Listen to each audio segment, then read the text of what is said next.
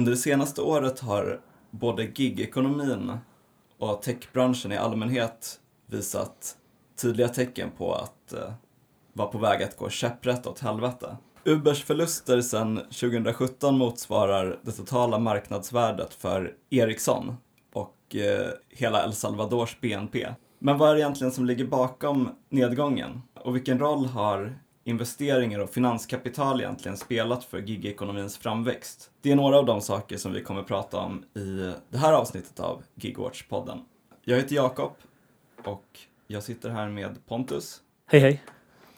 Eh, Du är medlem i Gigwatch Ja, eh, och några lyssnare kanske också känner igen dig från ekonomipodden Värdet av pengar som finns på Radio åt alla. ja det stämmer. Rekommenderar alla att lyssna på den.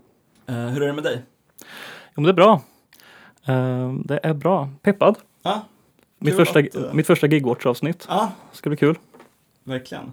Ja, men du är också eh, doktorand i ekonomisk historia Ja, det stämmer. eh, och eh, du fokuserar på plattformsekonomin va? Ja, precis. Jag tror inte att jag har jättemycket att bidra till ämnet i min roll som akademiker än. Jag har precis börjat. Men precis, det stämmer. Det är Med mitt din roll som överintresserad av plattformsekonomi. Ja, exakt. Det är i den rollen jag är, är här. Hur är det med dig? Ja men det är bra. Jag var igår på möte i Husby faktiskt med eh, Taxiunionen som vi har snackat om i tidigare avsnitt. De hade bjudit in ett brittiskt fack som heter ADCU, App Drivers and Careers Union, som höll ett riktigt nice föredrag. Ja, det var skitbra. Det var typ 50 pers där. Jag tror att de är just nu faktiskt när vi spelar in det här och ska lämna in någon kravlista på Ubers kontor i Solna, eller i Kista kanske va? Nämnde de någonting om varför det är just nu som de väljer att eh, trappa upp liksom organiseringen av den svenska taxibranschen eller Uber-branschen? Eller, för de ligger några år efter tänker jag andra initiativ i. Ja, men precis. De var lite inne på det, men eh, gav väl ingen riktig förklaring på varför. Men eh, jag kan tänka mig att liksom, de här apparna kom ju ganska mycket senare till Sverige än till till exempel Storbritannien, där de här gästerna var från. Så det har väl tagit lite mer tid att växa fram så organiskt liksom. Men det var jättespännande det de snackade om, för de har ju växt från ett gäng på fyra pers till att idag vara 7000 medlemmar. Ehm, så det är ju väldigt mycket folk. Och Ja, har liksom dragit Uber inför högsta domstolen och grejer. Ja, men det var jättespännande att höra hur deras organisation har växt fram. Det var en snubbe som berättade att han började liksom med att, när han körde taxi, eh, när det var rödljus och, och det stod en taxibil bredvid honom, så brukar han veva ner rutan och be den andra personen göra det också. Liksom gestikulera mot den att göra det. Sen kastade han in en papperslapp med sitt telefonnummer bara. Och så ringde vissa av dem upp och då snackade han om varför de borde gå med i deras fackförening eller fackklubb.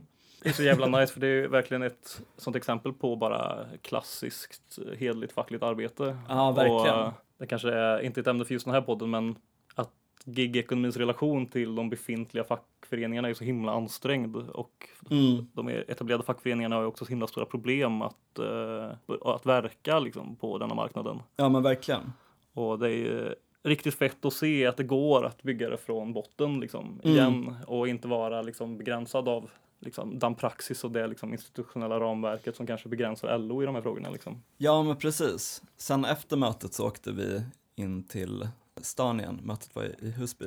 Hade sista delen av vår studiecirkel och där snackade vi också lite om hur liksom fackens oförmåga att hantera gigekonomin har liksom eh, lett till att folk kanske liksom återupptäcker vad ett fack egentligen är och liksom rörelseaspekten av fackföreningar. Att, att det är någonting man faktiskt måste bygga underifrån. Sen så spelar det inte kanske någon större roll vad ramverket är för det, om det är liksom inom SAC eller inom ett eget gräsrotsfack eller liksom inom unionen eller whatever liksom. Det är inte det viktiga kanske, utan det viktiga är att folk gör saker tillsammans. Men eh, ja, det är ju inte riktigt vad vi ska prata om idag, utan eh, det kan ni lyssna på eh, i princip alla andra avsnitt av podden för att höra om. Utan idag tänkte vi fokusera lite på den del av gigekonomin som kanske inte direkt rör arbete i sig, eh, utan snarare då gigekonomins kopplingar till den finansiella sektorn kanske man skulle kunna beskriva det som. Ja, absolut. Eh, och det är ju någonting som inte riktigt har kanske täckt i podden tidigare, men som ändå känns som en väldigt viktig del av gigekonomins väsen liksom. Eh, Pontus, visste du att personer som håller i en enda apa kan, kan använda flera slurpjuicer på den för att skapa tre nya apor? Vad är en slurpjuice? Det vet jag inte riktigt. vet, du vad jag, vet du vad jag pratar om? Jag misstänker att du pratar om NFTs. Ja. Ja, Vill, vill du förklara lite vad, hur hänger NFTs ihop med gigekonomin? man kanske kan förklara NFTs som För, för lyssnare som inte fattar, NFTs är ju då uh, så här, digital konst typ som har blivit någon slags sjuk, liksom hård valuta. eh, som absolut inte är en hård valuta. Ja, Eh, utan de- folk köper typ en bild på en ful apa för så här, en miljon dollar. ja, exakt. Men de försöker väl lansera, eller de försökte väl lansera NFT som, som någon typ av ny ägandeform. En sån här blockchain-uppbackad ägandeform. Och konst kunde vara ett möjligt användningsområde för det. Men Mm. att det liksom, den här blockchain-teknologin skulle då möjliggöra att man kunde så här verifiera äganderätter på ett eh, liksom säkert sätt, liksom bortom att ha någon liksom fysiskt sett tangible produkt i handen liksom, Mm. eller i ett valv. NFT är väl kanske den mest perversa liksom, eh, konsekvensen av det, att man har, folk har ju köpt en, ta, en faktisk tavla, alltså dyr konst för sig 10 miljoner kronor, sen har de sen tagit kort på den, så har de eldat upp den riktiga tavlan. Och kvar har de då haft en bild på den här riktiga tavlan som de sen har de myntat en NFT av.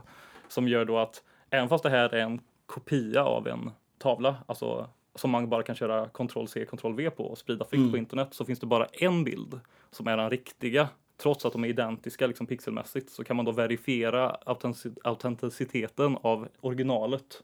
Det blir någon form av digital liksom, guldmyntsfot på en eh, digital bild då, som gör att den kan handlas. Det låter extremt korkat. Ja, det är ju det, det, är ju det också. Och, och, Varför har det här fenomenet eh, växt fram? Ja, men, och det är väl där kanske kopplingen kommer till plattformsekonomin eller kanske techsektorn i allmänhet då. Att 10-talet har varit en period av en stagnerad ekonomi eh, och ett överflöd av kapital. Centralbanker runt om hela världen har försökt få igång sin produktivitet eller få igång sin tillväxt i ekonomin genom att helt enkelt eh, trycka upp pengar och pumpa in dem i finansmarknaderna genom lite olika mekanismer. De extremt låga räntorna har också gjort kapital mer eller mindre gratis. Eh, så att investera i saker har inte längre någon kostnad för att kapital kostar ingenting. Eller kapital har inte kostat någonting fram tills väldigt, väldigt nyligen. Vilket har gjort att det har blivit möjligt att spekulera i en helt ny nivå av dumma saker. Liksom. Saker som är så dumma så att de aldrig hade spekulerats i innan. Och där kommer väl kopplingen till gig- gigekonomin in också, att vissa gig-appar, vissa plattformsföretag är så liksom uppenbart olönsamma att de inte hade fått investerare i ett inom citationstecken normalt liksom penningpolitiskt eh, klimat. Just det. För att när någon investerar i ett företag, då är det i allmänhet för att man vill ha någon typ av avkastning på pengarna. Ja, Och det, det precis. Det är, väl, Implicerar mm, lönsamhet också. det är väl den klassiska synen om man pratar om sig industrin.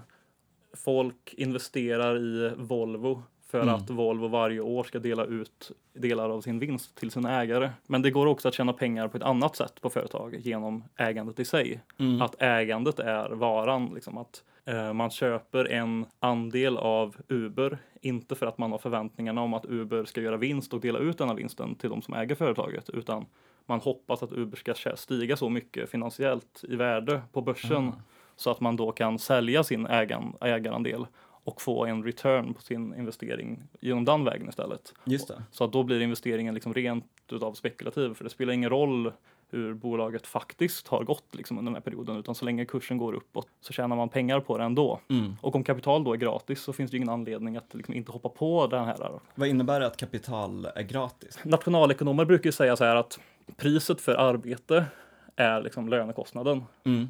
Eh, Så när någon säljer sitt arbete så betalar ett företag lön. Det är liksom priset vad det kostar att köpa någons arbetskraft. Priset för kapital är räntan. Det är vad det kostar att låna pengar och investera. Så man brukar säga att i klassiska national, simpla så nationalekonomiska modeller så finns det två stycken liksom kostnader för produktionsfaktorer, eller man ska säga. Och de två produktionsfaktorerna som finns är väl då, då kapital och arbete. Mm. Och de har sina respektive kostnader då, ränta och, lö- och lön. Just det. Och nu har räntan legat på noll. typ. Ja, och till och med en minus. Ah, okej. Eh, reporäntan har varit på minus. Man behöver väl kanske inte gå in på de teknikaliteterna, men det man kan säga är liksom att det har i princip inte kostat någonting Mm. för ett riskkapitalbolag att låna pengar och investera dem i en startup för att räntorna har varit så låga. Liksom. Och det kan till och med vara ett bättre alternativ då än att låta dem ligga på banken liksom. Verkligen. Ja. Kapital måste ju vara, vara i rörelse så att säga. Mm. Eh, Ingen kapitalist vill ju ha pengar i sitt valv utan de ska ju omsättas i produktiva verksamheter. Och, det, och eftersom det inte har funnits några sådana riktigt under 10-talet, tillväxten har varit så låg, Mm. industrin har liksom eh, inte haft någon produktivitetsökning. Så den enda tillväxten har kommit från eh, servicesektorn.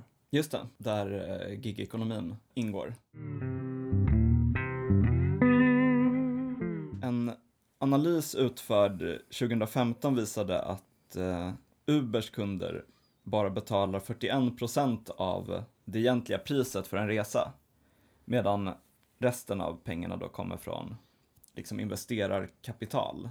Uber har själva lyft fram en så här, exempelresa i sin reklam. En kund kan då resa mellan Stockholms centralstation och Täby för 280 kronor. Och om man räknar då på det här 41 procent så har den här resan då en verklig kostnad på 700 kronor.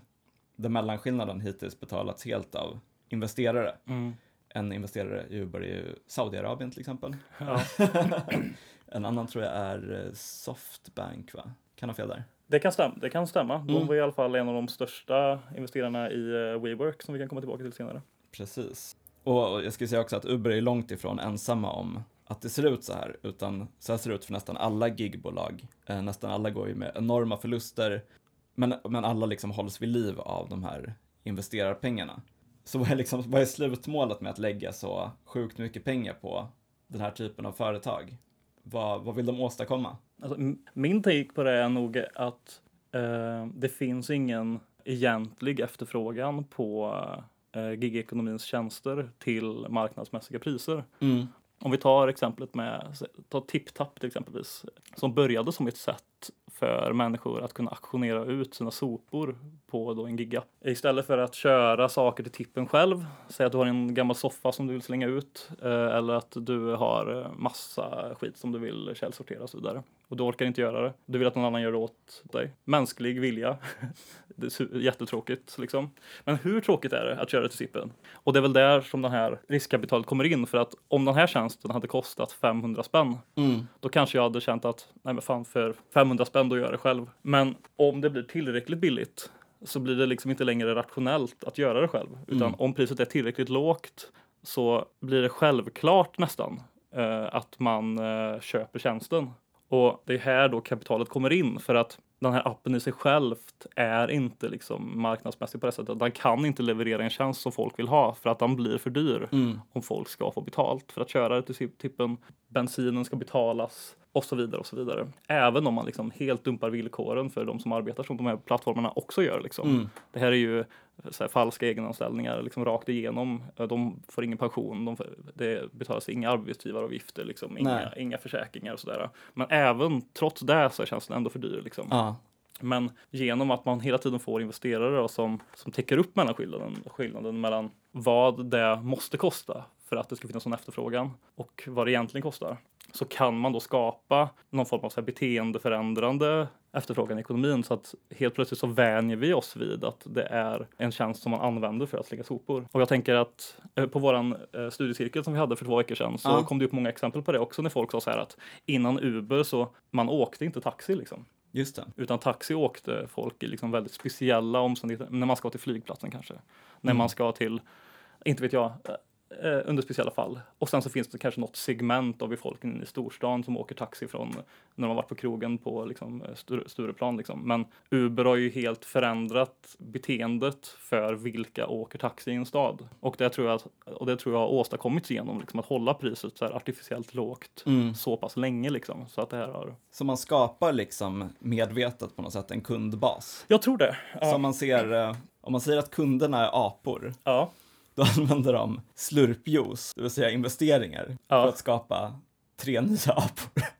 Ja, det, det, De gör kanske det, ja. en, en metafor. Man kanske också kan säga att det här också blir ett sätt att eh, inhägna nya delar av samhället som inte tidigare varit monetariserade. Mm. Exempelvis. Att, Vad tänker du då? då? mm, jag, jag tänker att vissa av de här gigapparna är ju bara ett sätt att eh, utkonkurrera befintliga branscher. Uber exempelvis har ju slått sönder en redan existerande taxinäring. Mm. Men eh, många av de här gigapparna inhägnar ju och monetariserar saker som inte tidigare har varit ekonomisk verksamhet. Just det. TipTap är kanske ett exempel på det. Mm. Köra till tippen liksom. Ja, precis. Det, det har liksom varit bara en sak som det förväntas av en om man är människa i ett samhälle. Mm. Att ta hand om sitt eget avfall. Liksom. Mm. Samma sak som att det tidigare har förväntats av en att ska man handla mat, ja då får man åka och köpa den liksom, eller gå och köpa den. Ja. Men att liksom delar av liksom den mänskliga reproduktionen, eller vad man ska säga, som tidigare har varit utanför marknaden, blir då inhägnad av de här plattformarna. Och genom att då subventionera tjänsterna så pass länge så blir då det en naturlig del av ekonomin. Mm. Tidigare har det inte funnits en tjänst som kör hem mat till en från restauranger i den här utsträckningen. Nej. Visst, man har kunnat fått utkörningen från pizzerian i vissa fall, liksom sådär. Men att systematisera det på det här sättet är någonting som är nytt. Liksom. Man behöver inte ens handla sin egen mat, utan man, man klickar i i en app vilka varor man vill ha från Hemköp. Så är det någon annan som går och plockar maten, lägger det i en påse och kör hem den till din dörr. Liksom. Mm. Ehm, vad sa de i uh, den artikeln du skickade? Som kallade att de demokratiserade latheten. Ja, just det.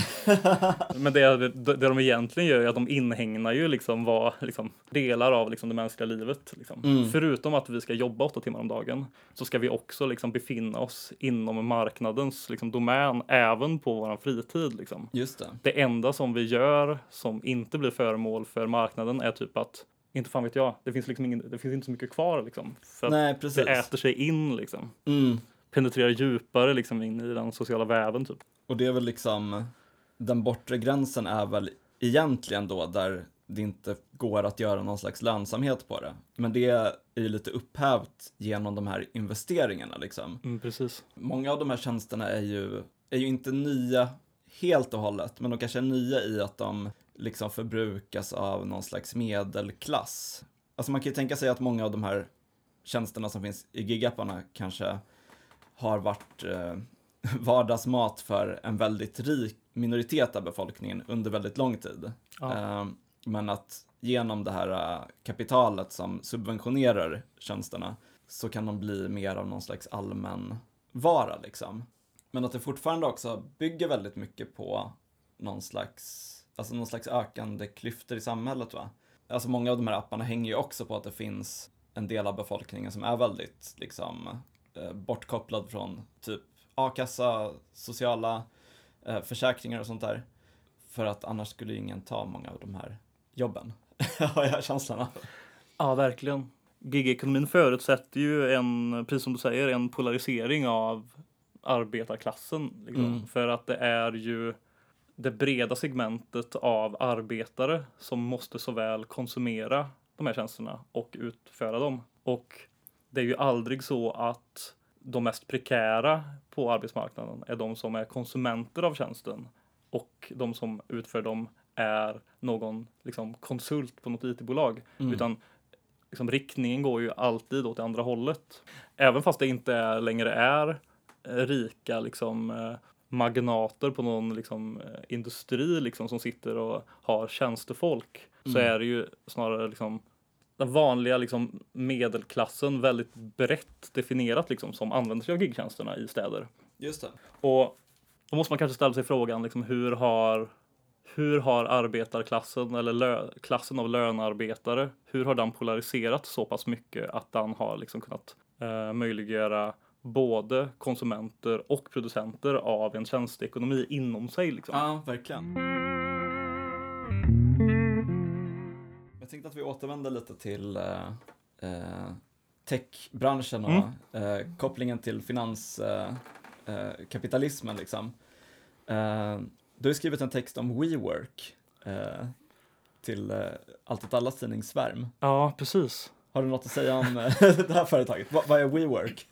WeWork är ett av de roligaste exemplen för att det är jag tycker att det illustrerade så himla bra hur viktigt det är att ha en berättelse. Om vi ska börja med bara, vad är WeWork? Ja, WeWork var, jag säger var, för att det har ju, det har ju gått under. Liksom. Ah, okej. Det konkade 2018 tror jag, om jag inte minns helt fel.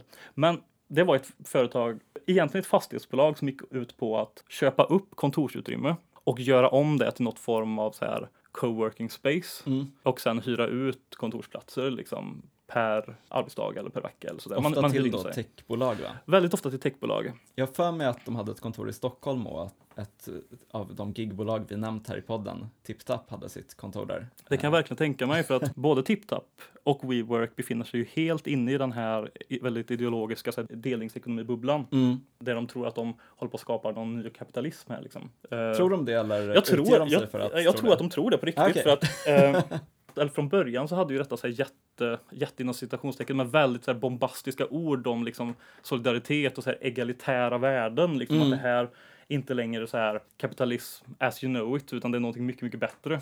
VDn för WeWork, han hade ju skapat någon form av syntes, ideologisk syntes mellan typ så här den israeliska kibbutzen, liksom. De, de här liksom så här kommunitära värdena liksom Mm. där så hade han liksom kombinerat det med den mest nyliberala ideologin från Silicon Valley och skapat då en berättelse om att om du går in i WeWork så får du en ny gemenskap liksom, Mm. som inte är bara att du hyr ett, eh, en kontorsplats utan du blir en del av någonting, liksom, du blir en del av en rörelse. Det var också därför företaget heter som det heter, att det heter WeWork Ah, okej. var en direkt negation mot Apples I. Det är vi, vi en gemenskap vi pratar om Ja, här. du menar utan- liksom iPhone? eh, Exakt, eh, de gjorde liksom eh, uppror menar de då mot den här liksom individcentreringen som Apple jobbade med. Och Ah, vi, vi, vi pratar om gemenskap här, liksom. vi Mm. pratar om rörelse. Med lite så, så här Burning Man-ideologi typ.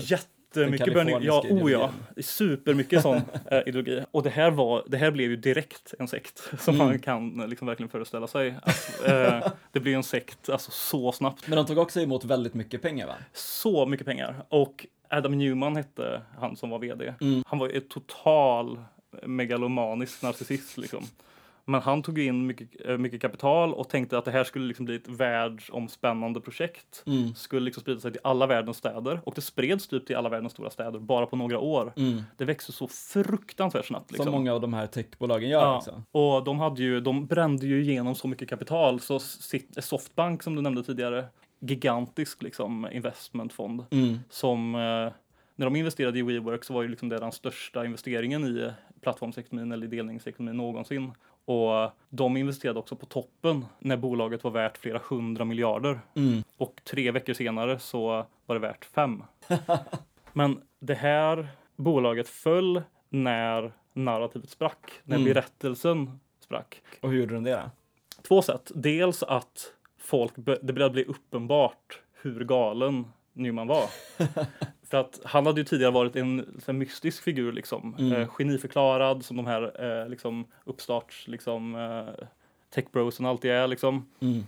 Eh, samma aura som liksom Elon Musk har glidit på genom alla år. Liksom, att han Ja. är inte bara en affärsman som någon annan utan han är ett geni liksom. Så därför ska eh, vi ge honom våra pengar. Mm.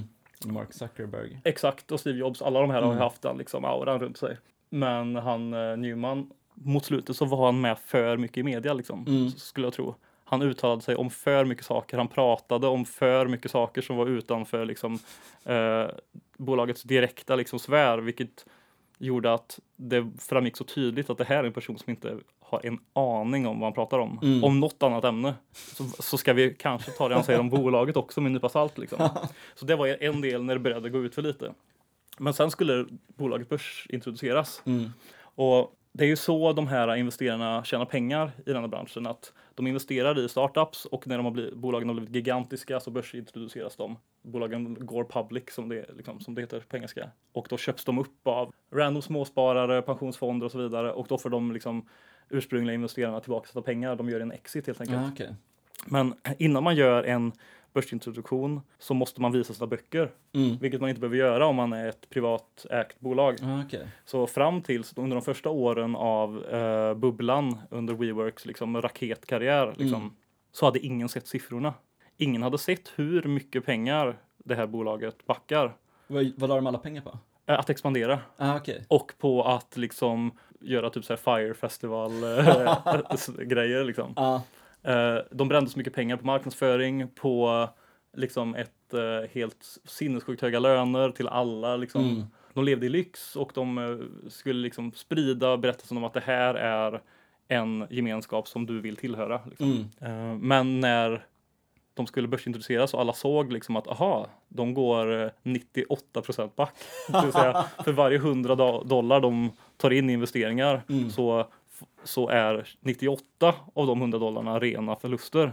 Då började folk känna att okej, det här liksom, det här är ett ponzi-scheme typ. Mm. Då pausade de börsintroduktionen eh, när de insåg att folk kommer inte vilja köpa det här bolaget. Liksom. Mm. Och sen börsnoterade de istället några veckor senare. Men då hade liksom berättelsen redan punkterats. Då havererade det. Ja, Så då eh, gick det ut. Jag vet inte vad som hände om han fick fängelse eller inte. ja okej. Men han blev liksom, alla som hade något med WeWork att göra blev helt fucked liksom. Ja, och det här känns ju på något sätt som en, eh, kanske mest liksom extrema versionen av en, eh, en tendens som också finns i, eh, i många andra techbolag, inklusive gigbolagen. Liksom. Man, man snackar ju ofta om någon techbubbla liksom, som kanske vissa då menar är på väg att spricka, eller kanske redan har spruckit på vissa sätt. Skulle du kunna förklara det konceptet bubbla lite? Vad, vad, är, vad är det egentligen? Men en, en bubbla är väl lite det som eh, historien om WeWork på något sätt manifesterar. Att Mm. det fanns ju en bubbla kring eh, liksom husobligationer, eh, eller liksom låneobligationer i, Mm. som, eh, som ledde till krisen 2007-2008 Just exempelvis. Men grejen med en bubbla är ju när människor börjar investera i någonting med mindsetet att den här liksom utvecklingen kommer fortsätta för alltid. Mm. Att man tror att det här är för bra för att någonsin vända. Liksom. Vilket förstärker bubblan. För ju fler folk som tror det, desto mer kommer kursen också att stiga. Mm. Om alla tror att WeWork kommer stiga för alltid så kommer det också göra det. Tills dess att tillräckligt många blir desillusionerade. Liksom. Just det. Och det som hände med bostadsbubblan där 2008 var att många köpte bostäder för att de tänkte att de skulle kunna sälja av dem senare då kanske. Mm, precis. Ja, Och det har ju, så har det ju även varit i eh, Sverige. ja Eh, verkligen. liksom från 2013 kanske och framåt. Mm. Liksom väldigt extremt. Som kanske matchas av lite nu, men det skrevs ganska mycket texter efter WeWork, för det gick ju omkull relativt tidigt. Det här, jag tror att narrativet sprack hösten 2017 kanske. Ja, Och då skrev ju många liksom, kolumnister, framförallt i USA, att nu, är, eh, nu har bubblan brustit. Liksom. Mm. Techbubblan har spruckit nu. Nu kommer investeringarna sluta flöda till gigekonomin eller till plattformsekonomin. Nu, eh, som de kallade det, det här är slutet för the millennial lifestyle. Många skribenter har definierat the millennial lifestyle som liksom en livsstil som har byggt på subventioner av gratis kapital. Mm. att liksom 90-talister i städerna har vant sig vid en levnadsstil som helt baseras på att ha en klass av tjänstefolk som assisterar alla ens behov Mm. som har hålls artificiellt lågt med hjälp av liksom inpumpning av gratis medel. Liksom. mm. Och nu har den här bubblan spruckit menade de. Eh, Så därför kommer de här pengarna sluta flöda och vi kommer behöva vänja oss vid att saker kostar pengar på riktigt igen. Liksom, Mm. Om vi vill att någon utför ens eh, skit åt en. Liksom. Men det hände inte riktigt Nej, då va? nej, det gjorde ju inte det. Eh, för att även fast WeWork gick omkull och det blev liksom det största fiaskot hittills, liksom, så eh, bubblan fortsatte ju och det, och det blev ju ännu värre. Och jag skulle säga att den absoluta piken var ju under pandemin. Ja, verkligen. Och, och framförallt liksom i Sverige har det väl alltså på riktigt tagit fart sen 2017 Ja. eh, ungefär. Eh, I alla fall i gigekonomin liksom. Mm. Sen har ju Sverige en massa andra techbolag som Spotify och sånt där som har funnits med längre liksom.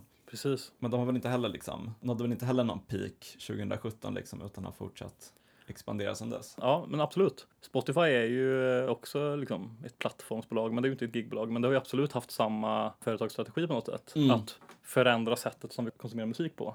Ja, verkligen. Inte bara ett företag precis som alla andra som säljer skivor eller säljer låtar som iTunes, Mm. utan vi ska förändra vår musikkonsumtion och det har de ju lyckats ganska mycket med, med så här algoritmisk liksom, tonsättning av hela våran vardag Ja. och sådär. Avsnittet med Rasmus Fleischer går in på det. Ja, liksom, men precis. Jätte, jättebra. Men det som eh, jag tror kommer döda, eller kan, om den inte redan har döda, dödat den här bubblan, är ju att kapital inte längre är gratis. Precis. Det har vi ju sett nu under det senaste året att eh, många gigföretag sparkar personal eh, eller sparkar, många har inte ens anställd personal liksom, men gör sig av med stora grupper personal, drar sig ur städer, drar sig ur länder. Ett exempel är, eh, det finns ett tyskt företag som heter Gorillas eh, som då är ett av de här företagen som liksom erbjuder hemleveranser av matvaror på liksom en kvart eller något sånt där. Vilket bara det är så här, det, det, det är som det du pratade om tidigare, att det här är en tjänst som liksom inte egentligen kan existera ekonomiskt utan för någon kanske jätterik person. För att ja, det, det krävs där liksom kapitalet som subventionerar hela grejen. Men de är ett exempel på det här. Eh, det finns många andra exempel också på liksom gigbolag som befinner sig i kris. Skulle du säga att det är kopplat till liksom det här ekonomiska läget med att man har höjt räntorna? Eller det är väl ganska tydligt liksom? Ja, det måste det göra. Alltså, det är svårt att uttala sig i de enskilda fallen, men liksom, bolag kan ju liksom fucka upp för sig själva även utan liksom, att kapital blir dyrt. Men jag tror att i de, i de flesta fallen så, så beror det på det. Liksom, att, framförallt att investerarna nu kräver saker. Mm. Innan, när, när kapital var gratis, när räntorna var noll, så ställde liksom inte investerare några krav på bolagen utan de sa så här att här får ni pengar, se till att växa, ta marknadsandelar. De satte sig att en, en stor så här, fond som förvaltar, säg 500 miljarder, Mm. Säg att de satsar på 50 olika plattformsföretag och ger dem, bara pumpar upp dem med kapital, så hoppas de att något av de här bolagen ska bli den liksom nästa enhörningen. Mm. Det nästa företaget som blir värderat i en miljard dollar. Det nästa företaget som blir Spotify eller Airbnb eller Uber eller sådär. Mm. Alla hoppade ju på den här bubblan, pumpade upp den med kapital och hoppades på att något av de här bolagen liksom ska fastna liksom på väggen. Men, Men- borde inte de vara smartare liksom?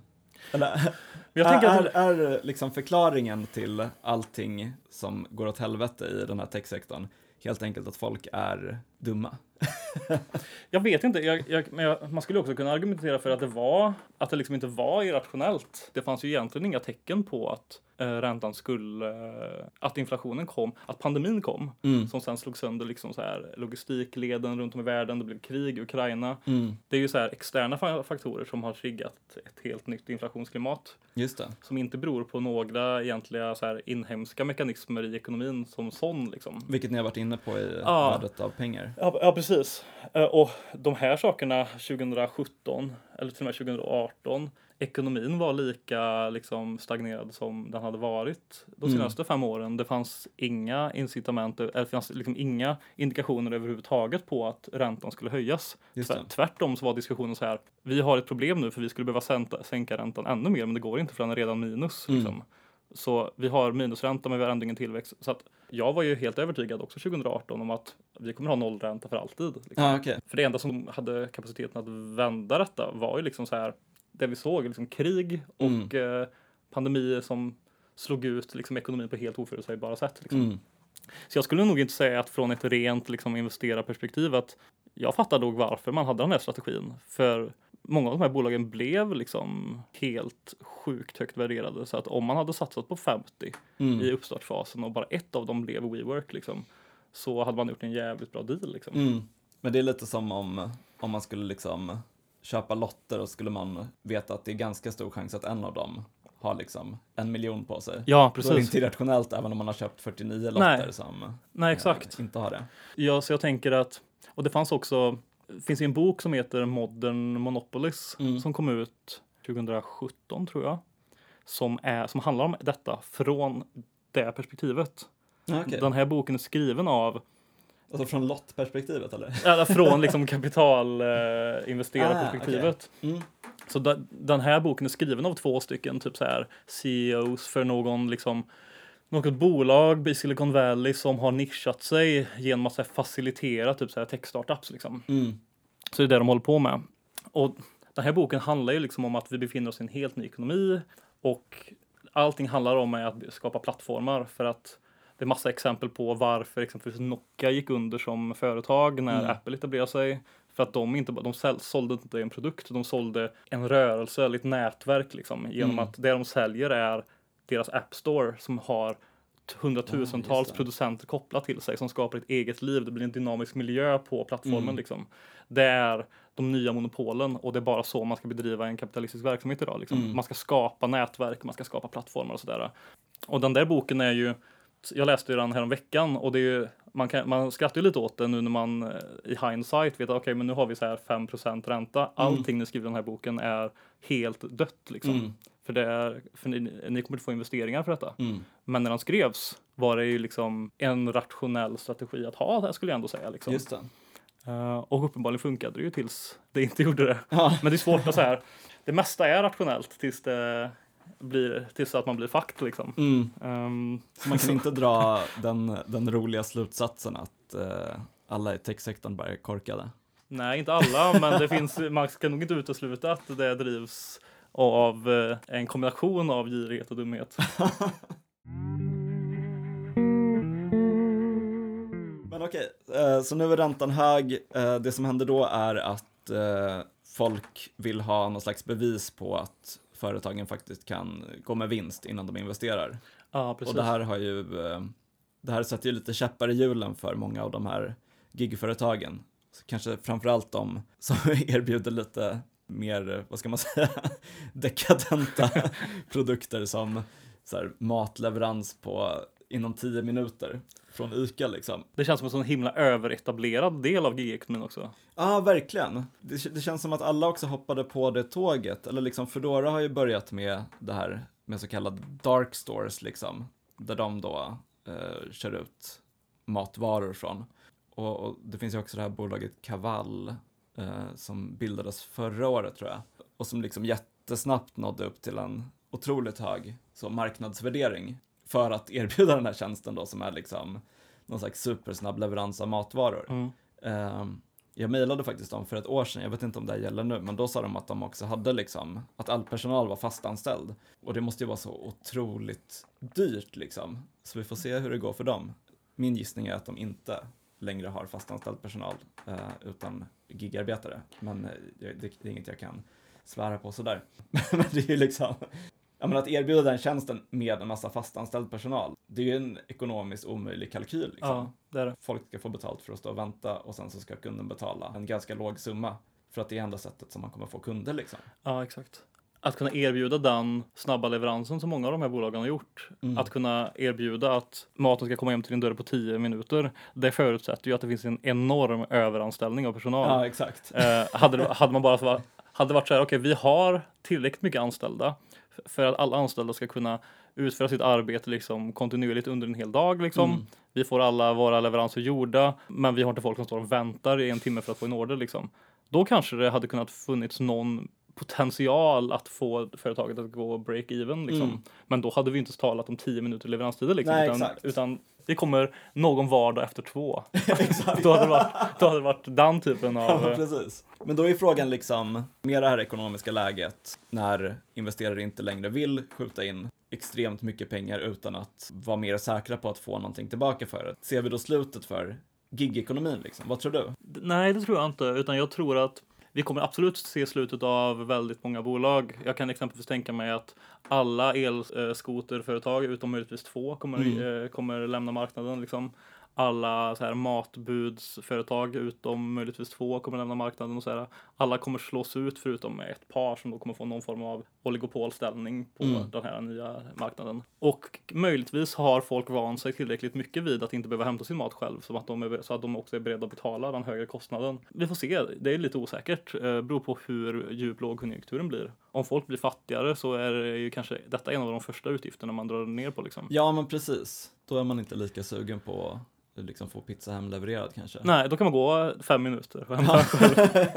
Men jag tror att gigekonomin eh, som också liksom Gigwatch i allmänhet har pratat om ganska mycket. Mm. Liksom, Det är en tendens som liksom också sprider sig till all andra delar av arbetsmarknaden. Att Mm. gigekonomin kanske snarare inte är så mycket ett knippe företag som en logik som kan importeras och ett, som kan operationaliseras även inom andra delar av ekonomin liksom, för att Verkligen. pressa priser. Ja, men det är väl också lite den tanke jag är inne på. Att, eh, alltså det är ganska lätt att stirra sig blind på gigekonomin som en samling av företag med liksom en viss estetik eller en viss eh, så här techkultur som omger dem.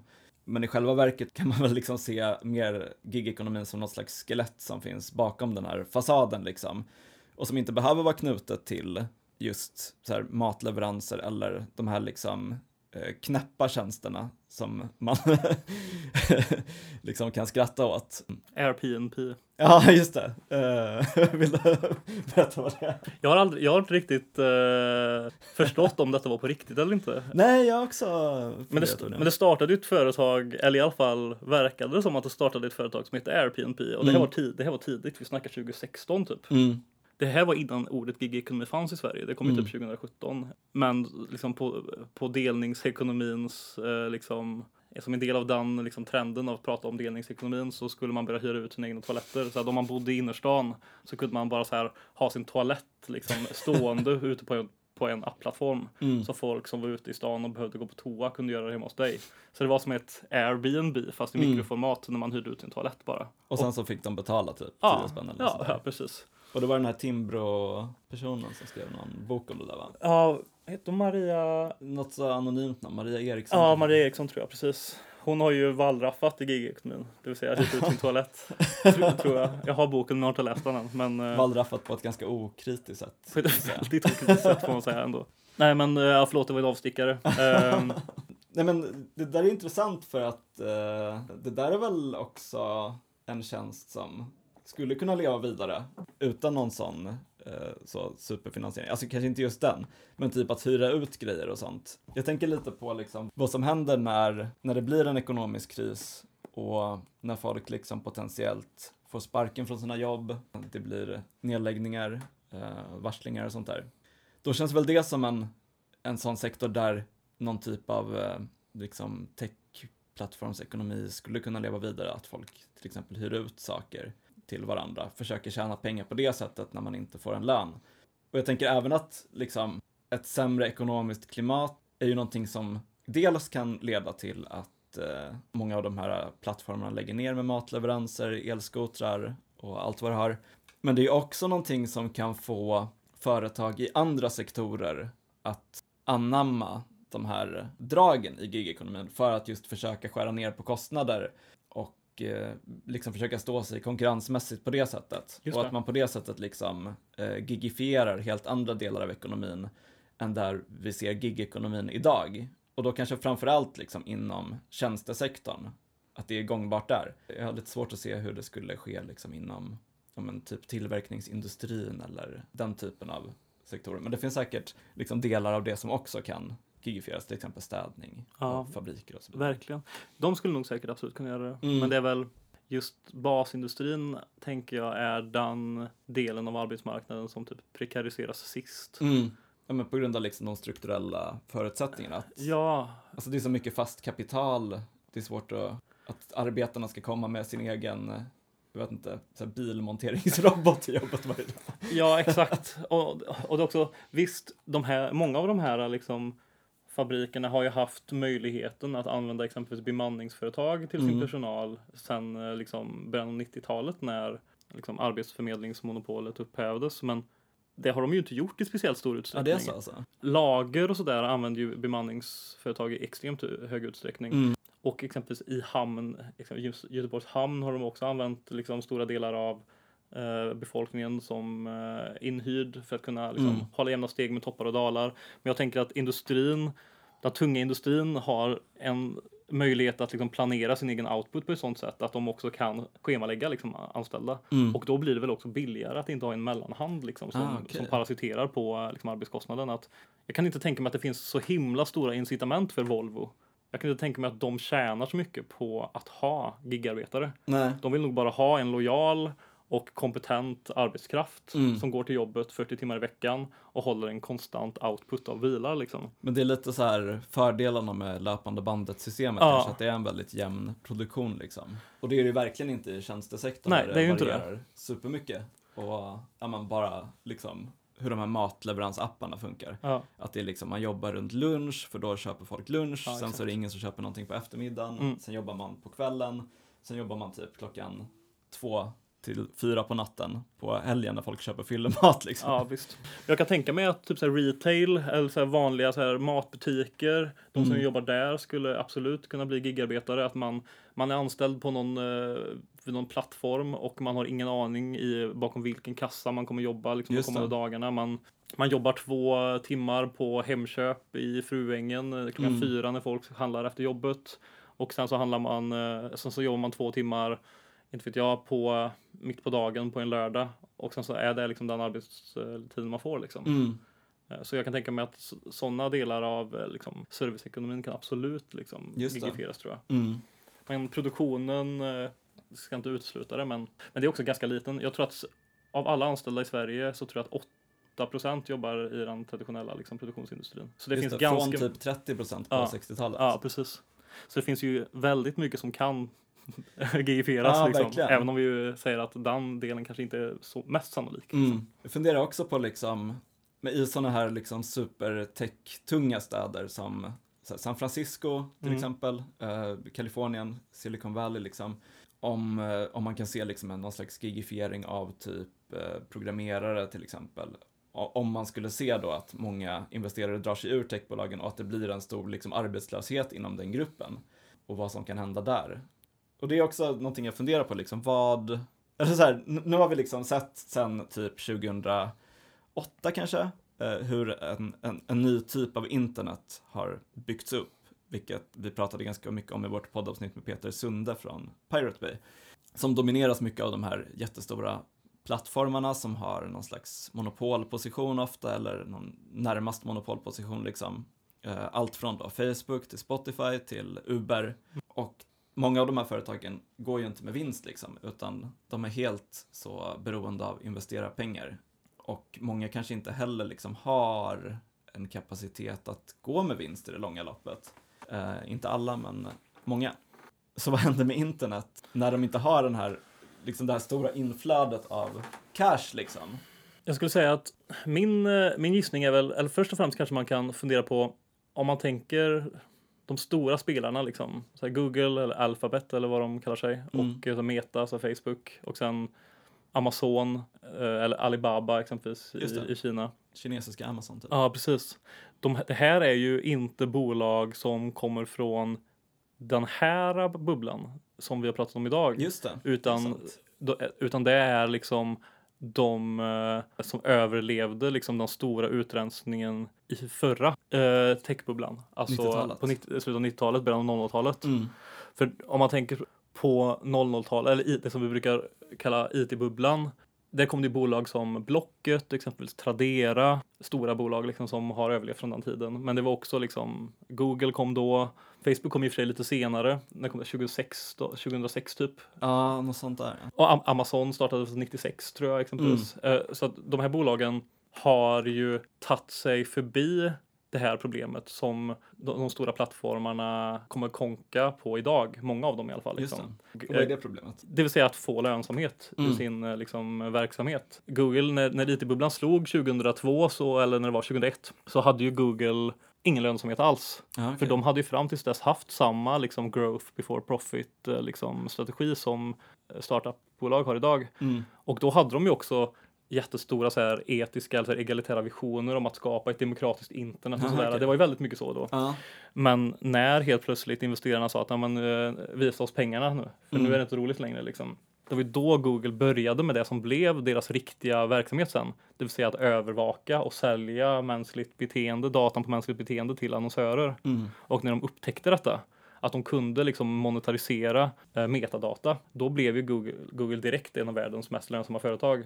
Och idag så är det väl, alltså jag, jag har inte sett de siffrorna på eh, något år, men Google har typ så här 200 miljarder bara i kassan, alltså oplacerade pengar som bara ligger. Jävlar. De, det är liksom, Google är så fruktansvärt rika. Mm. Facebook vet jag inte liksom, Facebook tror jag också har varit ett vinstdrivande, för- alltså ett, ett företag som har gjort vinst. Mm. För att Facebook och Google har ju tillsammans eh, kontrollerat typ 70 procent av all världens marknadsföring mellan sig. Jävlar. De har liksom slått ut all som eh, advertising-industri i hela världen och Mm. bara monopoliserat hela liksom, reklambranschen under Mm. sig.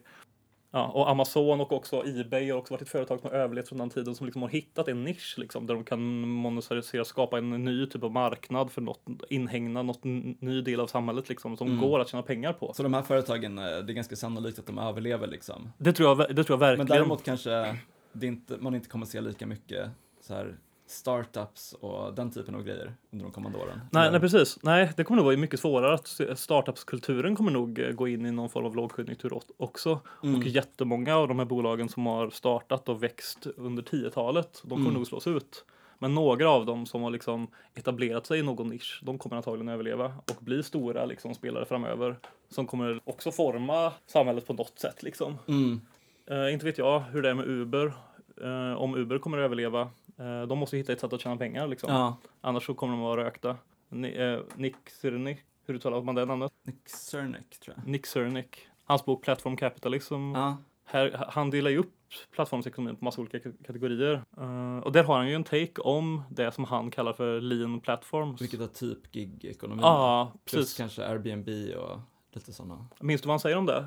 Kan du, gå, kan du dra den? Nej, men han säger väl i princip att det är liksom att det inte kommer stå sig i längden utan att det kommer eh, dö ut. Om det var det. Ja, ja, ja Men, precis. men det är ju intressant för att eh, han tar ju inte upp det här liksom med eh, risken för någon slags gigifiering. Utan han, menar, han fokuserar ju på de här existerande liksom, lean eller gig-plattformarna och menar att de kommer dö ut. Men eh, jag skulle säga att det är en lite så blind fläck i den boken kanske, att det faktiskt, alltså det, det är inte nödvändigtvis det här med att göra produktionen lean, alltså att ta bort Mm. mellanled som är problemet, utan problemet är ju att det är tjänster som det inte finns en verklig marknad för Ja. och att de satsar så otroligt mycket på expansion liksom.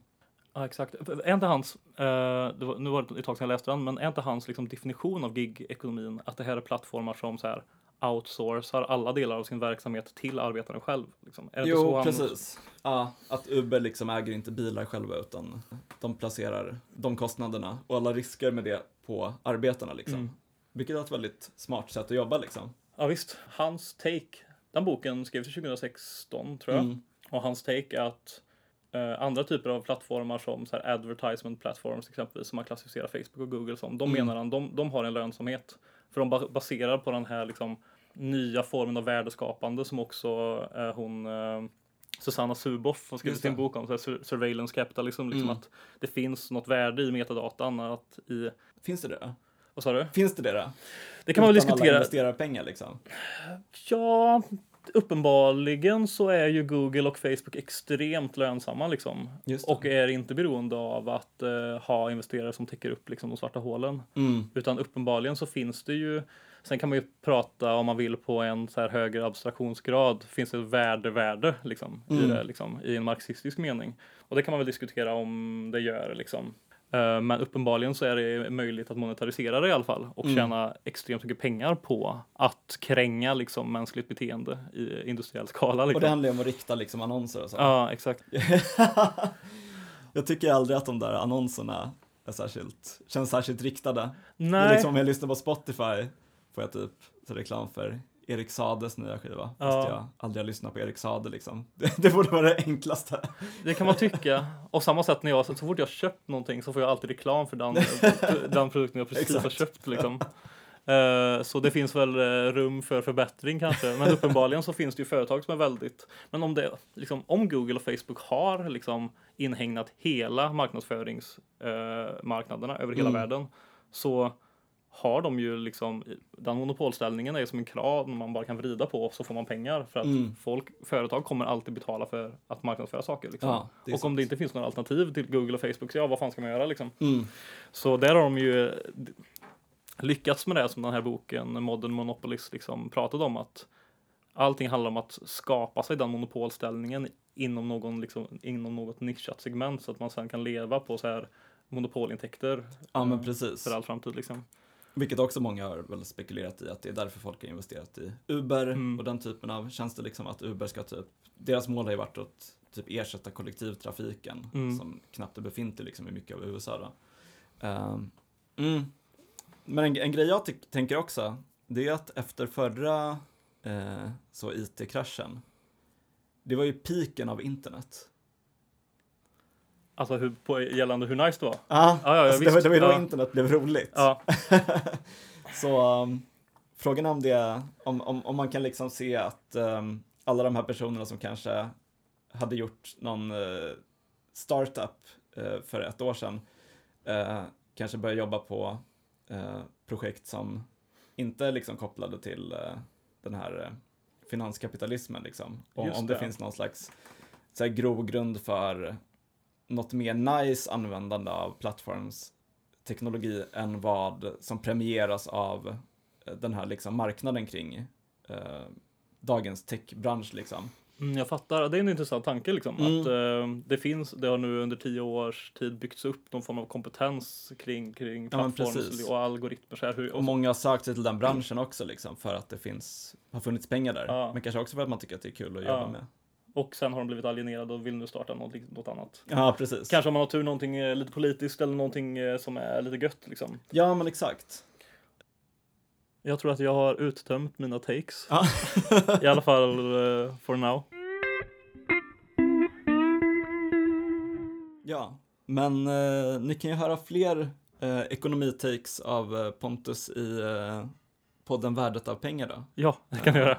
Som kanske också kommer med ett nytt avsnitt i eh, På måndag tror jag. Ja, Eh, om vi lyckas spela in imorgon. Det är Mm. väl planen. kul. Då ska vi svara, den förbjuda, frå- svara på den förbjudna frågan. Vad är värdet av pengar? ja, jag ser fram emot att höra det. Yes, kul att ni lyssnade. Stort tack allihopa. Eh, ni kan stötta oss i Gigwatch på eh, Patreon om ni vill. Eh, där vi finns på www.patreon.com gigwatch. Eh, men annars så kan ni också stötta oss bara genom att eh, sprida vår podd och dela den om ni tyckte att det var kul att lyssna. Ehm, så ja, vi, vi ses om två veckor. Vi ses. Ha det bra. Ha det bra.